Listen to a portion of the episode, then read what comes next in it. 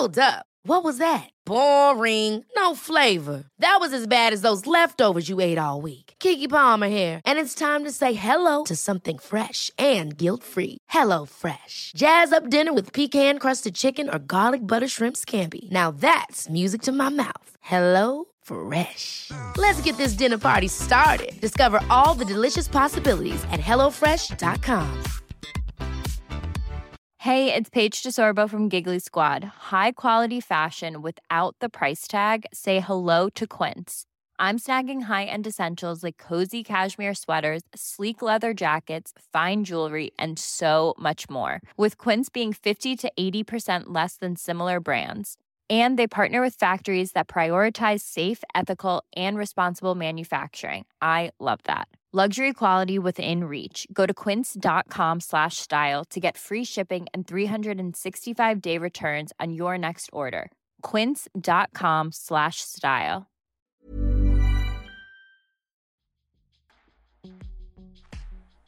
Välkommen till Brottsofferpodden. Denna gång ska vi få ta del av en väldigt speciell historia i två delar. Vi kommer få höra hur en man som jobbat på Volvo i Blekinge tar ett initiativ. Han tar sitt pass och åker ner till Jugoslavien för att hjälpa krigsdrabbade i Röda Korsets tjänst. Vi kommer få höra hur allting tog sig en vändning där nere. En vändning som blev helt annorlunda och långt mer våldsammare än det från början var menat. För att ta del av denna historia på en mer detaljerad nivå så kan ni köpa Bunker Kapins bok på www.bunkerkapin.com Bunker Kapin med C. Detta är alltså historien om Bunker Kapin med hans egna ord. Och intervjuar gör som vanligt Joakim Lindén. Tjena Matte! Hej Jocke! Eh, Hej! Kul, ja, kul, hej, kul att träffa dig. Detsamma, detsamma. Och kul att få en ansikte bakom rösten. Ja. Ja, ja visst. Vi har haft lite mailkontakt ett tag och pratat telefon ett par gånger. Det har blivit några gånger ja. Ja, verkligen, Precis. verkligen. Och ja. det var så att jag gjorde en annan intervju för, det var över ett halvår sedan. Mm. Och då var det en kille som hette Andreas som inte var med i intervjun, men Ah. han var i bakgrunden. Ja. Så när den intervjun var kl- klar så sa han bara, jag tror jag är en person som skulle vara jättebra att intervjua och Mm. allting. Så du kan väl berätta lite om ditt och Andreas samarbete och var, hur det var att vi kom i kontakt här idag. Mm. Ja, Andreas kom jag i kontakt eh, via en gemensam bekant till oss två. Eh, och den här bekanten hade ju en ganska så väl stor syn i, i det jag skrev.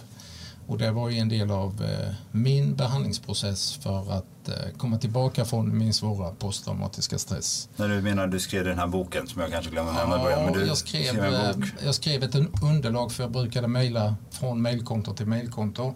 Och det här under några år blev eh, drygt 100 sidor plus.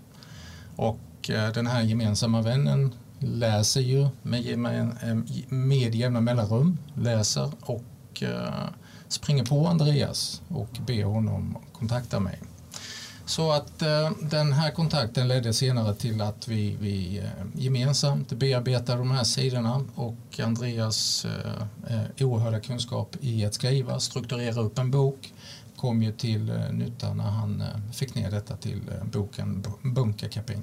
Bunkerkapin, men vad handlar Bunkerkapin i? Vad är det du har gjort i ditt liv som gör att vi, vi skriver en bok om det? Mm, ja, det var väl ett stort steg i mitt liv när jag bestämde mig 1991 att bege mig till det forna Jugoslavien, Kroatien närmare bestämt.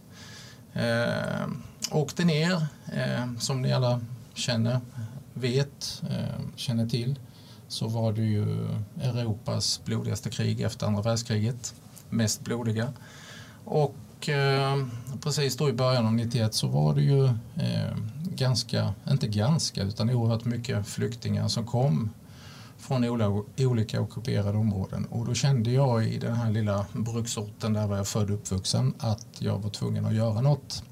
Så första tanken var ju när jag begav mig ner till Kroatien 1991, det var ju att eh, hjälpa till med flyktingar och eh, på så sätt bistå i alla fall med någon slags hjälp. Men innan du kom till den, eh, den delen av livet. Hur startade du liksom? Det var inte så att du vaknade upp och bara nu ska jag vara i kriget liksom. Hur var, hur var lilla Matte? Man kan väl säga, dra tillbaka lite då, gå tillbaka till 80-talet. Född, som sagt, född och uppvuxen i, i Blekinge, en liten bruksort. Ehm, där var Volvo var den största ehm, arbetsgivaren på orten och det var väl mer eller mindre så att alla som gick färdigt skolan mer eller mindre skulle ta anställning på Volvo förr eller senare. Eh, så skedde även med mig. Så efter grundskolan, efter gymnasiet och efter eh, alla påbyggnadskurser jag gjorde efter gymnasiet så fick jag också min lilla plats på, på Volvo. Och eh, känslan jag har, det jag kommer ihåg idag, eh, det var väl att man var väl ganska så tom.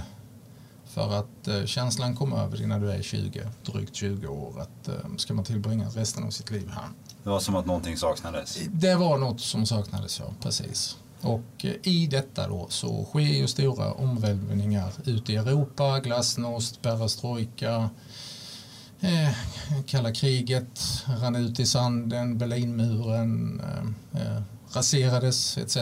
Och eh, med det sagt så så även eh, det forna Jugoslavien. Men hur, hur, kände du där innan? Så här, du är född i Sverige med mm, kroatiskt mm, pass. Mm. Så här, men var det att du kände någon så speciell tillhörighet till Kroatien eller var det bara som du sa att du, den här känslan att kunna hjälpa till för mm, flyktingar kom? Mm. Några nationalistiska eh, tendenser före kriget det fanns ju inte utan eh,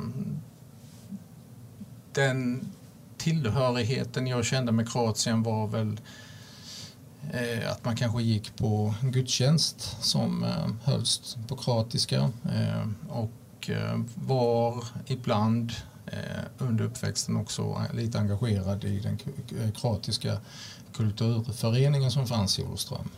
Det var väl det enda. Rent politiskt så kände man absolut ingenting. Jag var svensk, född i Sverige.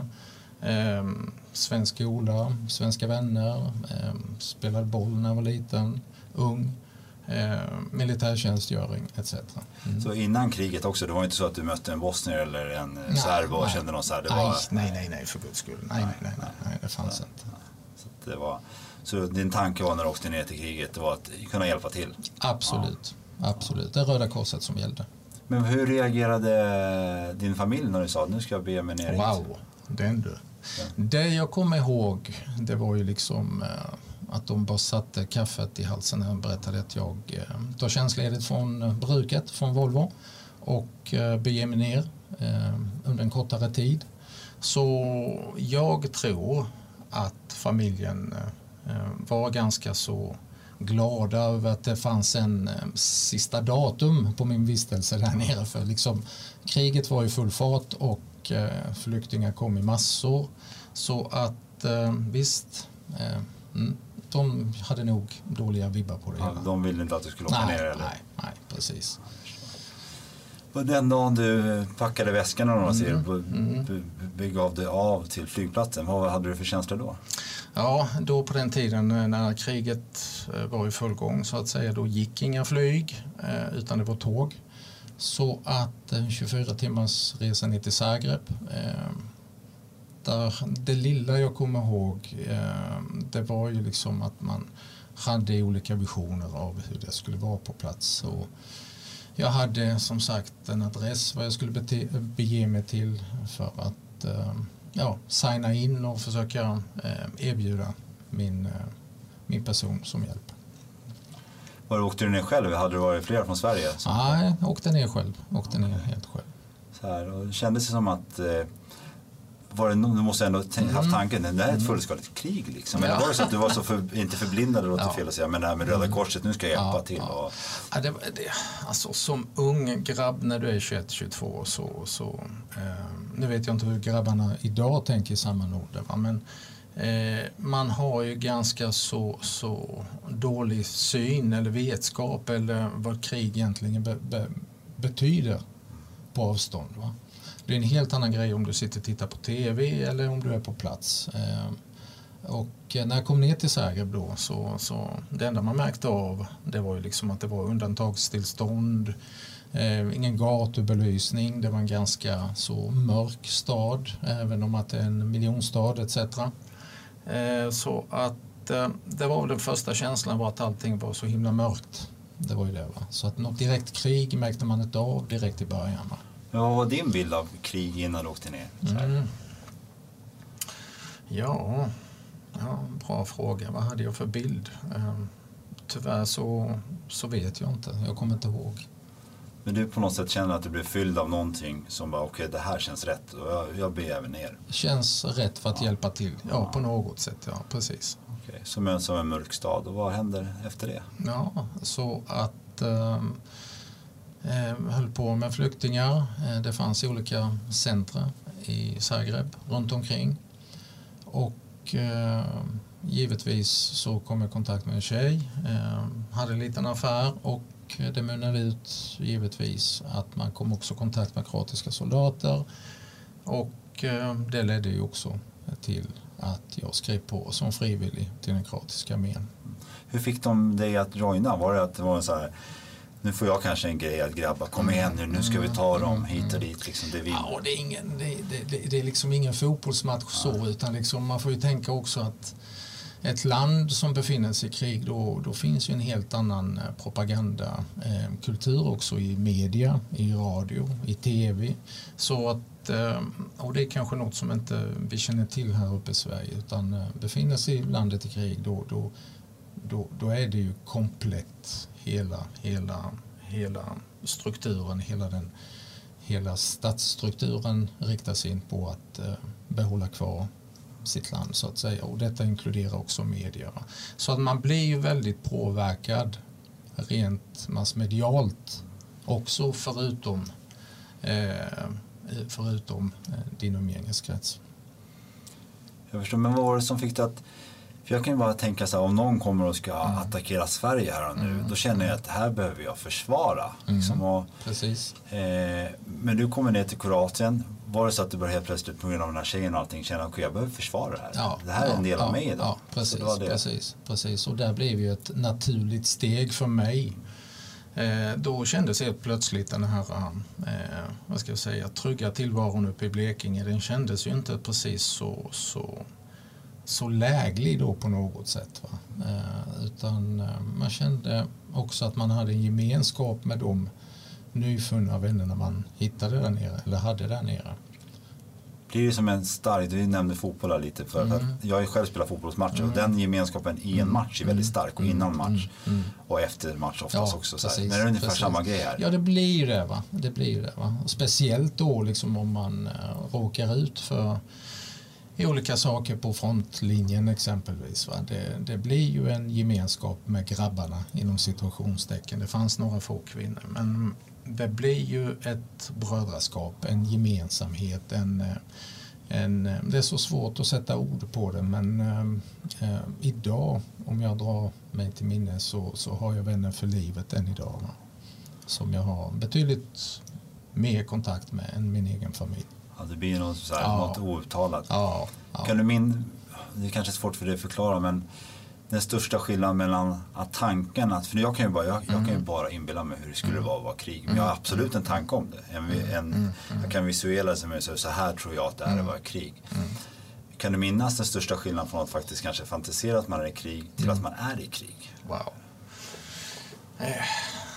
Det enda från Sverige jag kan tänka mig som grabb det var väl kanske att man läste någon serietidning och sen försökte man visualisera det här på något sätt att, att eh, eh, eh försöka få en bild eh, av hur ett pistolskott låter, hur en eh, granat låter etc.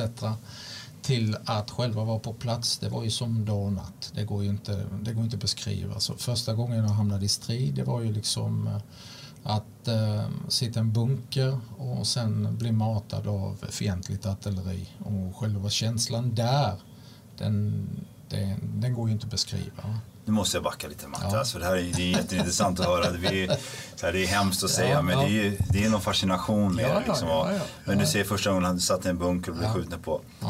Innan du hamnade i en bunker så mm. förstod du, nu finns det stor chans att vi kommer till mm. mm. där, precis som du sa, smattras på. Liksom. Hur var den känslan?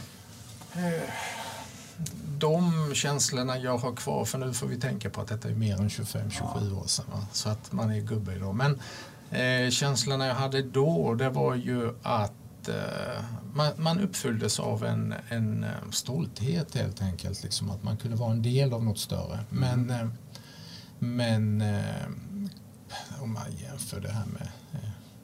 Men var det någon som sa någonting? Ursäkta om jag avbröt dig, men var det någon som sa någonting innan? Bara, I mitt huvud nu tänker jag så här, någon som står och pratar, någon kapten och någon som pratar, nu är det här och det här och det här. Ja, Ja, så man blir så här peppad, okej. precis Ja, som tränaren förstår pratar ja, innan. Nu förstår jag vad du menar. Nej, men så här, i bör, absolut i början så befann sig ju landet Kroatien i eh, det var totalt kaos. Det fanns ingen armé. Det måste vi också tänka. Det fanns ingen armé. Utan Kroatien var ju en del av eh, det totalitära Jugoslavien som var en, eh, ska säga, en kommunistregim som alla andra i Östeuropa. Men eh, när detta eh, raserades så, så valde ju eh, landets armé att eh, erbjuda sina vapen eller tjänster till Serbien, ju, vilket skedde. Så att Kroatien i princip stod eh, utan armé plus ett vapenembargo.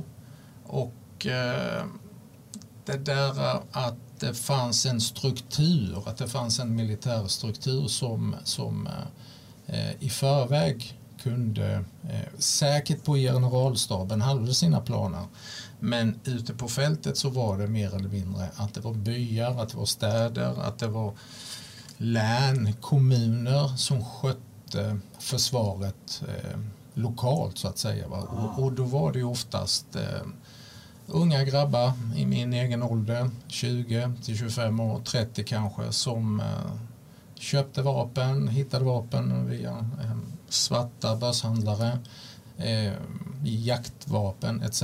som man satte i precis i början. Alltså det fanns ju ingen militär struktur utan den här militära strukturen började byggas upp först i slutet av 91 och 92. va? Ja, okej. Och när var du nere igen sa du? Eh, 91. 91, okej så du var med under den här... ah, Precis, precis. okej. Men slogs ni alltid med Serbien? Eller hur var det? Ja, eh, Serbien var ju den angriparen som, eh, som eh, välde över gränserna. Eh, de ville ju som sagt eh, behålla det där gamla totalitära Jugoslavien. Eh, Kroatien gick i sin egen väg, precis som Slovenien. Eh, en fria demokratiska val där var de röstade utträde ur Jugoslavien. Eh, men det ville ju inte någon annan republik. Så, så första två åren fram till stilleståndet, krigsstilleståndet 92 så var Serbien och jugoslaviska armén den anfallande eh, ockupatören om jag kan kalla den så. Okej. De skulle ta tag i det andra, Slovenien och... eh, Ja, Slovenien, Kroatien, en liten historia tillbakablick. Så 91 så går ju Sloveniens riksdag ut till val. Eh, De bestämmer sig för att dra sig ut. Eh, Det forna Jugoslavien. Kroatien följde efter exemplet, gjorde samma sak där. Och sen detta resulterade i då, väldigt kortfattat nu, detta resulterade då i kriget. okej. När du åkte ner, visste du att okej nu är det serberna mot oss? Nu är det de. Hade Mm. Ja, men då visste man. Ja. Då hade man redan en fiende. Okej. Då, då visste man redan. Men eh, då var ju nästan all uppmärksamhet på den jugoslaviska armén som anföll Kroatien. Okej. Och det var typ serbier då? Ja, ja, ja precis, precis. Jag förstår. Alltså vad, vad förmedlas? När du sa att du hoppade på det här tåget Mm. genom den här tjejen, eller inte genom henne, men och du träffade kroatiska militärer och sånt så här. Sen när du väl skrivit på att slåss för det här, så här Mm. vad är det som förmedlas till det då? Förmedlas? Ja, jag tänker främst på självständighet. Eh, I detta så kommer ju givetvis eh, nationalistiska känslor som var tabubelagda. Eller det ämnet var ju tvunget strängt förbjudet att ta upp under det gamla Jugoslavien. Så allt detta kommer ju upp till ytan givetvis. Och eh, patriotism eh, mot något som är egentligen historiskt. Så att eh, kontentan av kriget, eller resultatet av eh, kriget 91-95, det är ju liksom att Kroatien var blev en självständig stat. Oberoende självständig stat. Mm. Som du är del av något som är kanske lite större än dig. Kanske. Ja. Så kan man sammanfatta. Jag förstår. Mm. Men om vi backar tillbaks till den här bunkern då. Här, du och dina, nu tänkte jag säga kollegor, det låter ju konstigt. Dina, vad säger man, kompanivänner, vad kallas det? Ja, kompani, pluton, grupp. Eh, oftast i början som sagt, det fanns ju ingen större eller en, en militär struktur som det, fanns, som det finns i Sverige. Va? Man vet sin förutställda plats, man vet vilken som för befäl, man vet vad zonen i, i en specifik stridszon är. Eh, det finns redan förutstämda kriterier för de här grejerna. Där nere i början så var det också rena rama kaoset. Eh, 91 så kunde ju bara Kroatien eh, förlita sig på sin polisstyrka och de frivilliga som oftast med egna inköpta vapen ställde upp mot, eh, mot en angripare som var betydligt större i manskap. Sen får vi inte glömma heller att eh, eh, jugoslaviska armén var på pappret Europas femte största armé när detta skedde också. Va? Mm. Så att eh, istället då för att eh, använda jugoslaviska arméns vapen mot en yttre fiende så vändes de vapnen mot sin, sin egen, befo egen befolkning helt enkelt. Ja, det låter ja. Mm. Eh, men eh, du som hade gjort eh, tjänstgöring i Sverige. Mm. Hade du en liten fördel av den, alltså den kunskapen när du kom ner dit? När du märkte att här finns ingen struktur? Ja, alltså man visste, och det var detta också som var väldigt högt skattat i den nybildade kroatiska armén. Så alla inom situationstecken utlänningar som kom utifrån eh, de betyder jättemycket egentligen för den kroatiska armén. Dels då att eh, du förde med dig eh, kunskap om hur den här militära strukturen används ute i Västeuropa ur ett kanske NATO-synpunkt. Dels det och dels var din blotta närvaro som utlänning inom situationstecken att det var ett bevis att eh, det kommer frivilliga från utlandet för att omvärlden vet eh, vilka orättvisor som begås av motståndarsidan. Här är ett land som går till val och de får inte bryta sig ur på eh, lagligt sätt så att säga. Så det blev ju också en moralhöjande effekt kan man säga. Det blir så här vi mot dem? Ja, det blir det. Absolut. absolut, absolut. Var det många som kom eh, fel att kanske säga hemvändare med sådana som är kroatisk? Ja, oh ja. Oh ja, oh ja det, var, det var mer än jag hade väntat mig. Det blev ju alltså jag kan väl nämna några killar som kom från Tyskland, många franska främlingslegionärer, eh, närmare 150-200 man bara från eh, franska främlingslegionen. Eh, jag har vänner som har återvänt tillbaka till Australien, till Argentina, till Sydafrika, till Kanada, till USA. England ska vi inte heller glömma. Så att de finns de kom från hela världen, absolut. absolut. För att hjälpa till mot, mot det övergreppet som vi ansåg skedde. Jag förstår. Ja. Om vi backar tillbaka ytterligare en gång här nu, ska försöka till den här bunkern. Mm.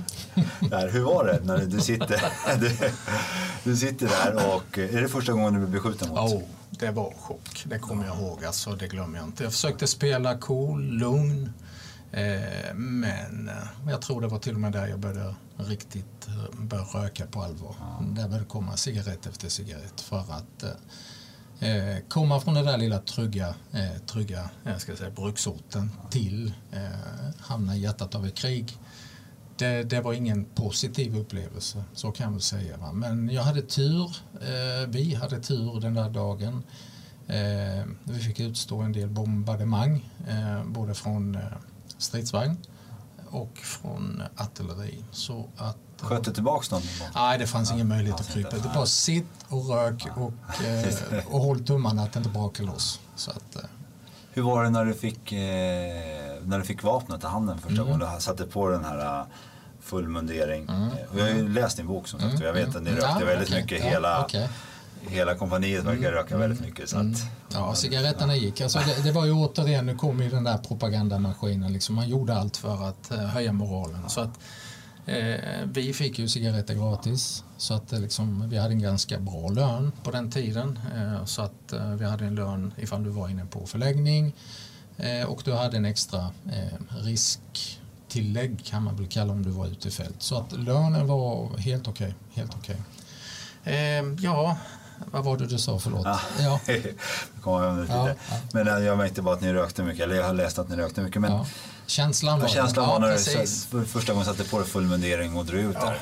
när jag kom ner så kunde jag i princip, eh, jag kunde inte handskas med en, eh, en vad, vad som är populärt, Kalashnikov AK47. va. Så att eh, när jag fick den i handen första gången så kändes det så overkligt för att detta var ju ett vapen som, eh, som eh, vi i Sverige har fått, eh, fått till oss att detta är vad fienden egentligen har. Eh, och det är den leder Fi på andra sidan Östersjön. Va? Östblocket. Och helt plötsligt så har jag ett sånt vapen. Så att eh, den känslan jag kommer ihåg det var liksom jag kan inget, jag måste ut på skjutbanan eller vad som helst för att eh, bekanta mig med, med verktyget. Så att känslan var väl lite sådär, ja, mm, två delar. Va? Ja, jag förstår. Kände du rädsla? Eh, till en viss, för då insåg man att eh, nu, nu är det allvar. Va? Nu är det allvar. Men var det, var det någon gång så här, vi pratade lite lätt i början om så här hat och sånt, men var det typ att de där jävlarna ska inte ta, nu svor jag ursäkta liksom, men eh, de där ska inte ta det här landet, så här, vi ska bli fria. Var det mycket pepp sånt? Nu slår vi upp mot, eh,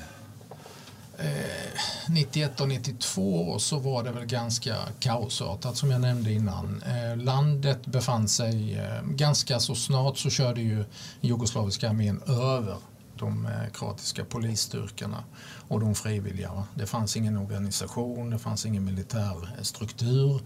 Eh, folket var väl ganska också oförberett på att det skulle ske det som skedde. Va? Eh, så att eh, Ganska så omgående så beslagtog ockuperade jugoslaviska armén Serbien närmare 35 procent av eh, kroatiska landytan.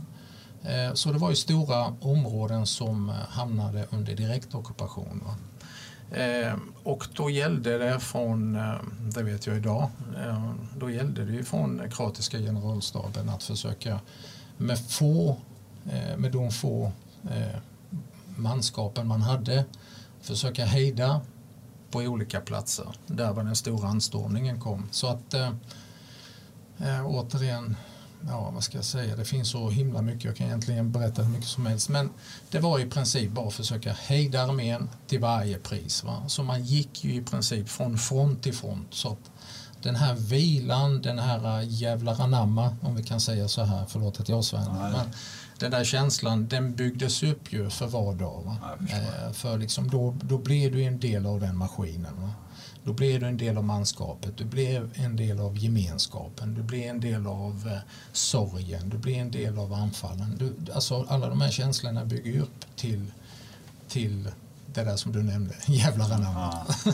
Men du människor dö där i början? Ja, herregud. I början var det ju kaos. Det var ju liksom hemskt.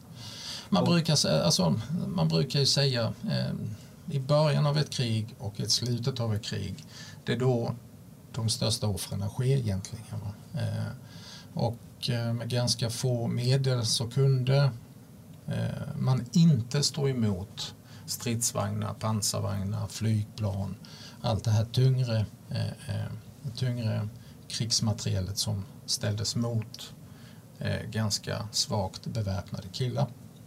Då blev det, då blev det offer. Då blev det offer. Vad var första tanken när du såg någon dö? Det finns jättemånga tankar men eh, det ser så overkligt ut. Eh, det ser sjukt ut, det ser onaturligt ut. Eh, groteskt på något sätt. Idag så är det ju skrämmande som privatperson, som civilist. Att man överhuvudtaget kan bara acceptera att ett krig sker. Hej, jag heter Ryan Reynolds. På Midmobile vill vi like to opposite of what Big Wireless does. They charge you a lot, we charge you a little. So naturally, when they announced they'd be raising their prices due to inflation, we decided to deflate our prices due to not hating you. That's right. We're cutting the price of Mint Unlimited from $30 a month to just $15 a month. Give it a try at mintmobile.com slash switch. $45 upfront for three months plus taxes and fees. Promo for new customers for limited time. Unlimited more than 40 gigabytes per month. Slows. Full terms at mintmobile.com. Many of us have those stubborn pounds that seem impossible to lose, no matter how good we eat or how hard we work out. My solution is PlushCare. PlushCare is a leading telehealth provider with doctors who are there for you day and night to partner with you in your weight loss journey. They can prescribe FDA-approved weight loss medications like Wagovi and Zepbound for those who qualify. Plus, they accept most insurance plans. To get started, visit plushcare.com slash weight loss. That's plushcare.com slash weight loss. Eh, det är för mig det mest skrämmande. Men det är ju sjukliga saker för att det inte är naturligt. Så kan man säga. Det är sjukt. Minns du första gången du var ute på fält och siktade Mm. vapnet mot, någon, mot något, någon och tryckte av? Ja, alltså jag kommer ihåg än idag. Eh, första, första målet som jag fällde om vi kan säga så. Det är liksom då skrek ju hela min varelse, hela matekapin skrek inombords. Eh, och bannade hela situationen. Eh, men eh, som sagt det är så många eh, många händelser kring en händelse så att liksom du hinner aldrig reflektera över något specifikt utan det blir hela tiden att en motor som går framåt, framåt, framåt eller bakåt, bakåt. Va?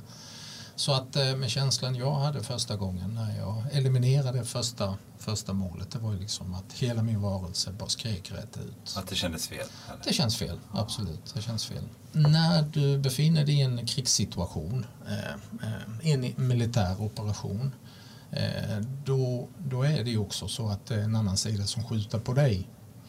Och allting klickar ju på ett sätt att du, du ställer in en, en on-off-knapp i dig själv som ligger på påläge.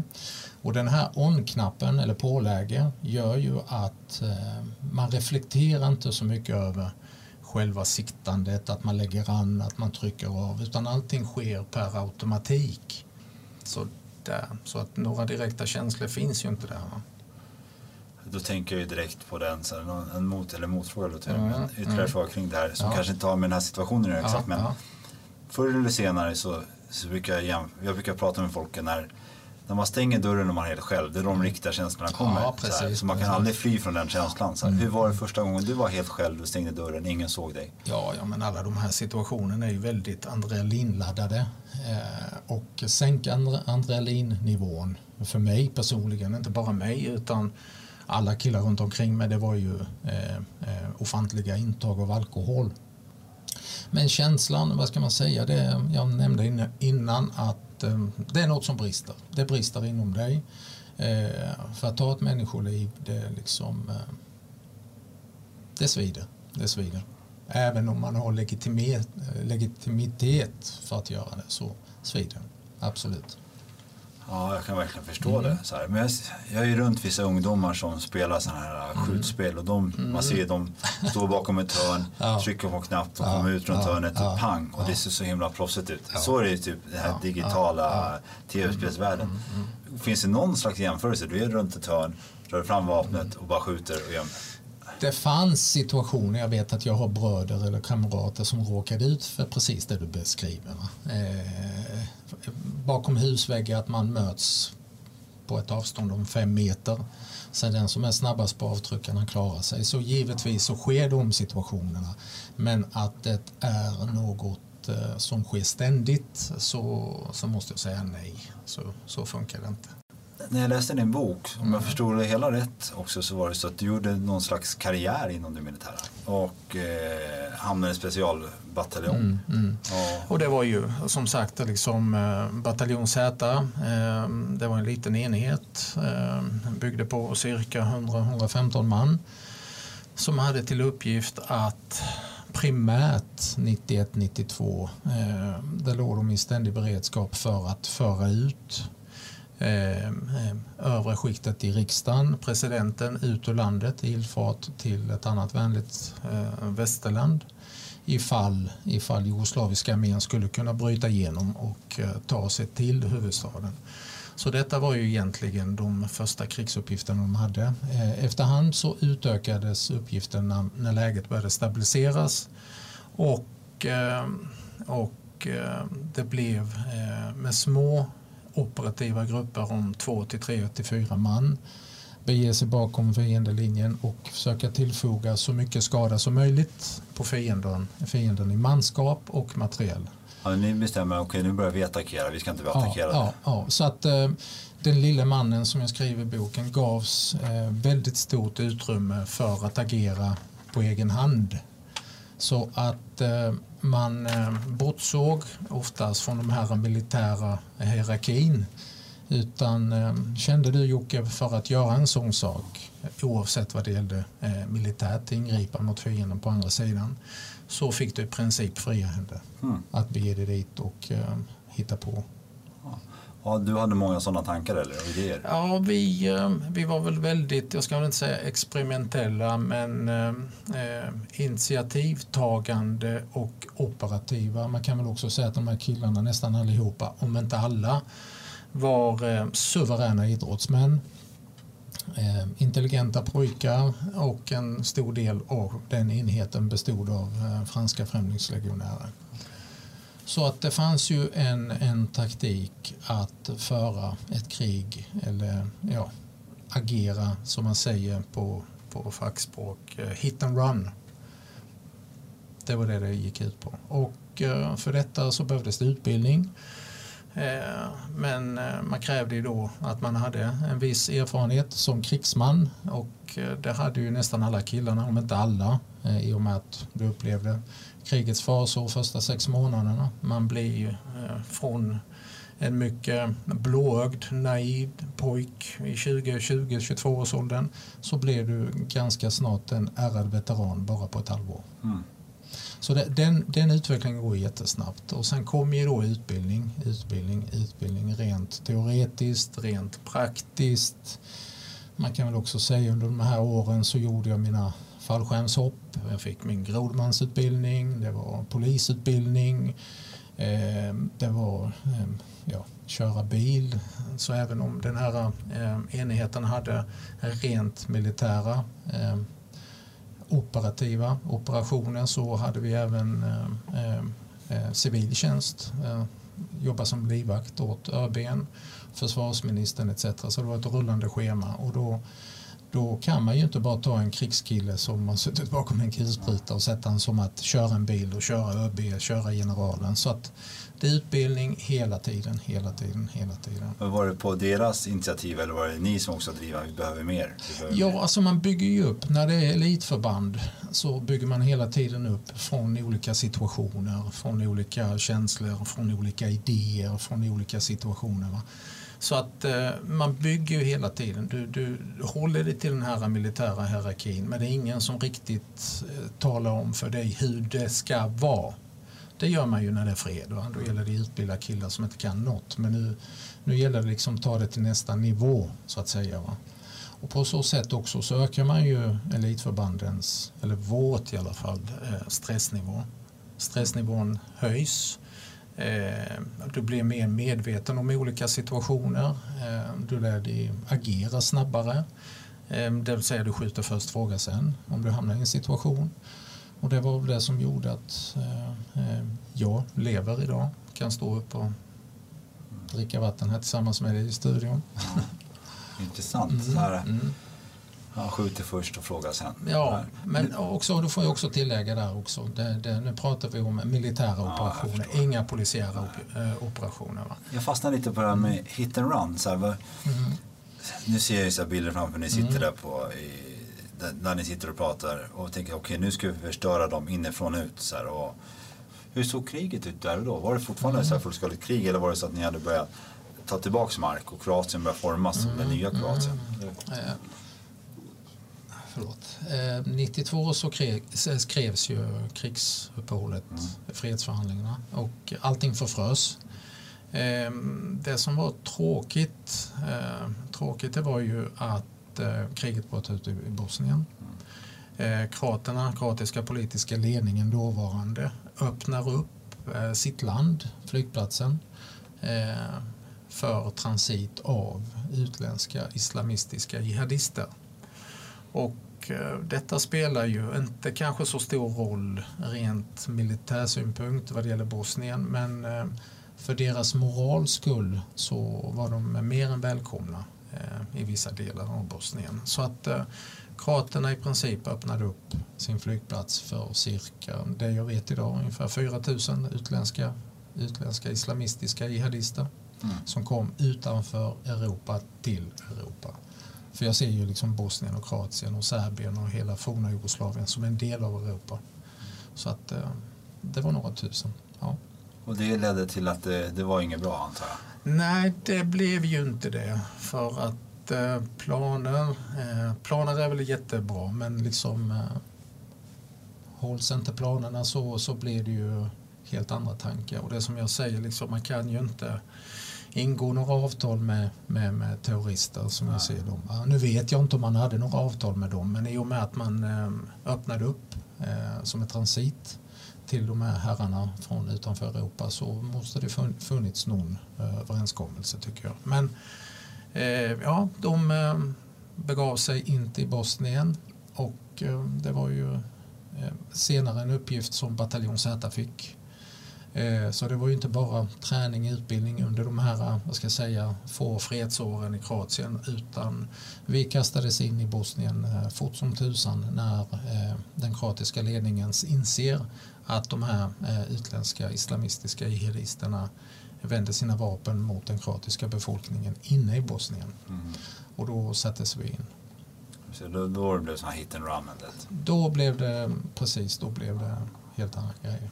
Jag förstår. Mm början så, så begav man sig till ingenmansland. Man smög oftast över på andra sidan. Man får ju också tänka att det var ju stora landområden. Så det var till fyra, fem stycken? Ja, vi var två till fyra man. Eh, små grupper som opererade. Va? Ibland så skedde ingenting eh, rent militärt utan vi, vi bara låg och skrev ner, studerade varifrån kom eh, fordon, åt vilken riktning fordonen, vad var det för enheter som kom, vad var det för material Eh, materiell, militär materiell, eh, hur stora var enheterna etc. etc. Vilket tillstånd var de i? Eh, var de berusade? Var de skärpta? Eh, man såg oftast på eh, fiendesoldaten hur han betedde sig avslappnat eller agerade de proffsigt eller professionellt och det ser man ganska omedelbart. Så, så även eh, vad det gäller de här hit and run-grupperna så, så opererade vi bakom linjerna med, eh, med att bara liksom ta in uppgifter, va? information. Men blev det också att det blev eh, typ skottlossning och sånt ibland? Också? Givetvis, givetvis. Det var det jag tänkte komma till. Eh, I början så, så tog ju jugoslaviska armén eh, 30-35 procent av den kroatiska landstyrkan ockupera den. Eh, och det var väl också deras primära taktik från början, va? att erövra så mycket som möjligt. Va? Men de, inte hade, de hade ju inte riktigt med manskap till detta, va? så man kan ju inte säga att det fanns en frontlinje. Det fanns alltid luckor i den här fronten som man kunde smyga mellan. Va? Det fanns alltid. Och eh, medan eh, vår enda uppgift var 91-92 att försöka tillfoga så stor skada som möjligt i deras manskap, i deras materiel. Och det skedde också oftast på impulsiva grejer när du befann dig på andra sidan. Så att det, det var något beslut man tog där och då i gruppen. Så att det fanns inget förutsett bestämt mål i början. Utan detta byggdes upp efterhand så att säga. Ni drog iväg utan något mål? Och... Ja, målet, du hade fiender på andra sidan så fick man ju alltid ja, improvisera. Ja, ja, improvisera, precis. Mm. precis. Hur var känslan inför de här små så kallade hit and run? I början så var det ju ganska så, så nytt för mig hela den här scenen. Jag hade ju det här svenska sättet att tänka, liksom front, här har du skyttevärn, fienden 500 meter bort och sen eh, skjuter man på varandra. Typ där. Nu fick du en fiende direkt in på näsan, in på knuten. Eh, du kunde se eh, dina, dina fienders ögonvitor så att säga. Man kommer väldigt nära. Man kommer väldigt nära. Ska du tillfoga någon skada så måste du komma nära. Det sker inte på avstånd. Va? Och eh, ja, känslorna var ju i början euforiska. Och helt, jag kommer ihåg också känslan vi hade att det var helt otroligt att man kunde göra de här små anfallen. Som sagt, det är hit and run och allting är klart på två minuter, sen vips så är ni borta igen. Känner ni att ni, ni typ, jag vet inte om det här handlar kanske inte om att ta mm. mark, det handlar mer om att förstöra mark för dem? Precis, det var till, tillfoga skada. Blev du träffad någon gång? Någon? Något vapen? Sårad fler. Ja, nej, jag har haft tur som inte fått en penetrerande kula genom mig. Men eh, jag är ärrad av några kulor som har eh, skrapat upp en bit av eh, huden och fläkts upp, ja, men inte blivit penetrerad. Vad var första känslan? Det måste ändå känns ordentligt? Ja, det bränner ju till. Men som sagt, adrenalinpåslaget är ju maximalt. alltså det går inte att beskriva eh, adrenalinpåslaget men smärtan och allt detta kommer ju senare. Så även om du ser att det blåar, även om du ser, känner granatsplittare till huvudet, även om du känner med fingrarna att det är ett öppet sår så, så, så, så känns det inget. Va? Sen om det är adrenalinpåslaget eller om det är chocken eller situationen bara så, så det kommer först senare. Va? Det kommer först senare. Men hur löper det här kriget till för dig sen? Eller mm. till för dig? Hur löper det, om man pratar så här, från, från din eh, point of view, mm. man kallar det så här. Mm. Du har kommit till det här specialförbandet. Mm. Mm. Du börjar så hit and run. Alltså tiden går liksom. Mm. Hur mm, löper mm. ditt liv vidare när det liksom? Vi som eh, hade erfarenhet eh, från första två åren, eh, krigserfarenhet i Kroatien, de vill man ju helst inte slippa iväg på något sätt utan de höll man kvar med inte några påtryckningsmedel eller sova utan det byggdes upp en kamratskap som jag nämnde innan och som, det blev ju bara att det flöt på på något sätt. Va? Eh, vilka skador det tog på mig det visade sig först senare, betydligt senare efter jag plockat av mig uniformen. Men eh, det var att dränka sina sorger i sprit. Eh, man var ju inte medveten om de här grejerna heller, du, du är så pass ung liksom när det börjar bryta ut inom dig, liksom, hur reagerar man? Ja, men då sätter man sig i baren och sen dricker man sin whisky. Och sen, mm. sen är det inte mer med det. Va? Du vaknar bakfull och sen börjar en ny dag. Va? Så att eh, eh, du hann egentligen inte tänka efter. Du hann egentligen inte tänka efter för du, du var fullbokad från morgon till kväll. Mm. Och sen när arbetsdagen var slut, 17.00, på med civilkläderna och sen var det bussen in till stan, partaja lite eller bara chilla, ta lugnt, träna eller något annat och sen tillbaka igen på morgonen. Uppställning 06.00. Det var som en arbetsdag? Ja, och vissa ja, dagar drog ja, ut i fält? Ja, precis. precis. Det låter ju surrealistiskt. Ja, ja, vad ska jag säga? Det är, liksom, det var, det är så det är uppbyggt. Det som att jag skulle hoppa på bussen här på måndag morgon och dra till Finland och ja, sätta precis. på mig ett gevär och skjuta. Precis. Ja. Så att man, man, eh, när du väl var på militärförläggningen då, då hade du dina arbetstider och arbetstiderna så var det bara utbildning hela vägen. Mm. Det var utbildning, utbildning, utbildning. Sen kom de här 1400 dagarna senare. Ja, drygt. Då, då brast det för mig. Liksom. Ja, det. Man bara gick ner på knä. Luften gick ur och man kände att det funkade inte mer. Va? Om vi backar typ mm. bandet kanske en vecka, någon dag, några mm. minuter innan mm. luften gick ur. Vad var det, minns du vad det var för tankar, känslor just där och då? Ja, man kände bara, det, jag, det lilla jag kommer ihåg det var ju bara att man eh, kroknade. Du, du, alltså, det tog bara stopp. Var det något som hade hänt? Ja, fyra års krig. Ja, det var, det var, det var inget ja. så markant att någon nej, blev skjuten? Nej, eller, nej, så. nej. Ja, vi kan väl säga också bataljon Zs, eh, under bataljon Zs eh, vara under krigsåren så, så, stupade, så har jag 77 stupade kamrater. Eh, så att det följde ju med men man tänkte inte så mycket på dem. Va? Utan varför jag höll ut så pass länge som jag gjorde eh, det var nog mest för min kamrat på högersidan och min kamrat på vänstersidan. Så att eh, det blir den här eh, osynliga banden som jag talar om, Band of Brothers. Mm. Så binder dig till, till, till den här gemenskapen. Så att jag tänkte, jag tror till och med om jag har en känsla att jag tänkte lägga ner hela den här biten flera år innan. Men jag gjorde inte det på grund av min broder på höger eller vänster sida. Du pratar 77 stupade kamrater. Var det när mm. du kom tillbaks till själva förläggningen? Pratades mm. någonting om det? Eller fick du någon er, erbjudande om mm. hjälp och prat? Eh, efter 93 och framåt så, så eh, engagerade chefen en eh, psykolog som kom till militärförläggningen och eh, hade samtal med alla och då var man inbokad och då var, då var tvungen att sitta med samtal och prata med en psykolog. Eh, men vi visste ju i grund och botten eh, att vad det var egentligen för mening för att eh, då ville ju bataljon Zs chef veta eller se om någon av killarna började flippa ut om jag kan säga så. Va? Så han kunde flytta under honom, så han kunde pensionera honom, så han kunde sjukskriva honom.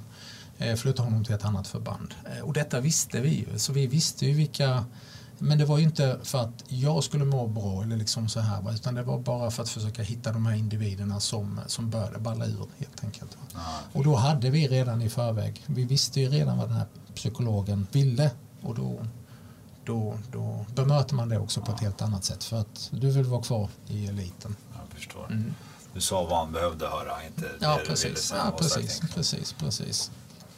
Jag förstår. Eh, men eh, sen kom, nu har jag backat tillbaka lite Mm. igen efter de här 1400 dagarna. Du gick ner på knä, luften gick ur. Ja, ja. Så här, vad känner Matte där och då? Så här. känslan, den där speciella känslan var bara att jag inte orkar mer. Det var, liksom, eh, det var en kraftansträngning att resa sig upp från sängen och eh, gå ut i toaletten och borsta tänderna. Det kändes som, ett, eh, som att bestiga, bestiga Himalaya. Det var liksom eh, mission impossible. Men det, det, det bara tog stopp. Det, Var det från en dag till den andra? ja, typ? ja, det bara kom pang. Att, eh, Men var det där nere då fortfarande? då var det 94. Då var det första april 1994. Mm. Och efter tre år och åtta månader så, om jag inte tar fel, så cirka 1340 dagar drygt. Du har nu lyssnat på första delen av den här historien. Del två kommer inom kort. Men fram till dess får ni gärna gå in på våra sociala medier och gilla där vi gör. Vi finns på både Facebook och Instagram och där heter vi Brottsofferpodden. Tack för att du har lyssnat. Historia som berättas har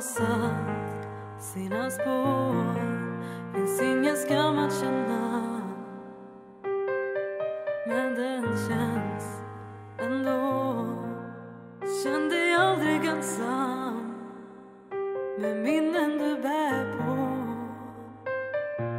Det är inte din skuld att bära. Jag hoppas du förstår,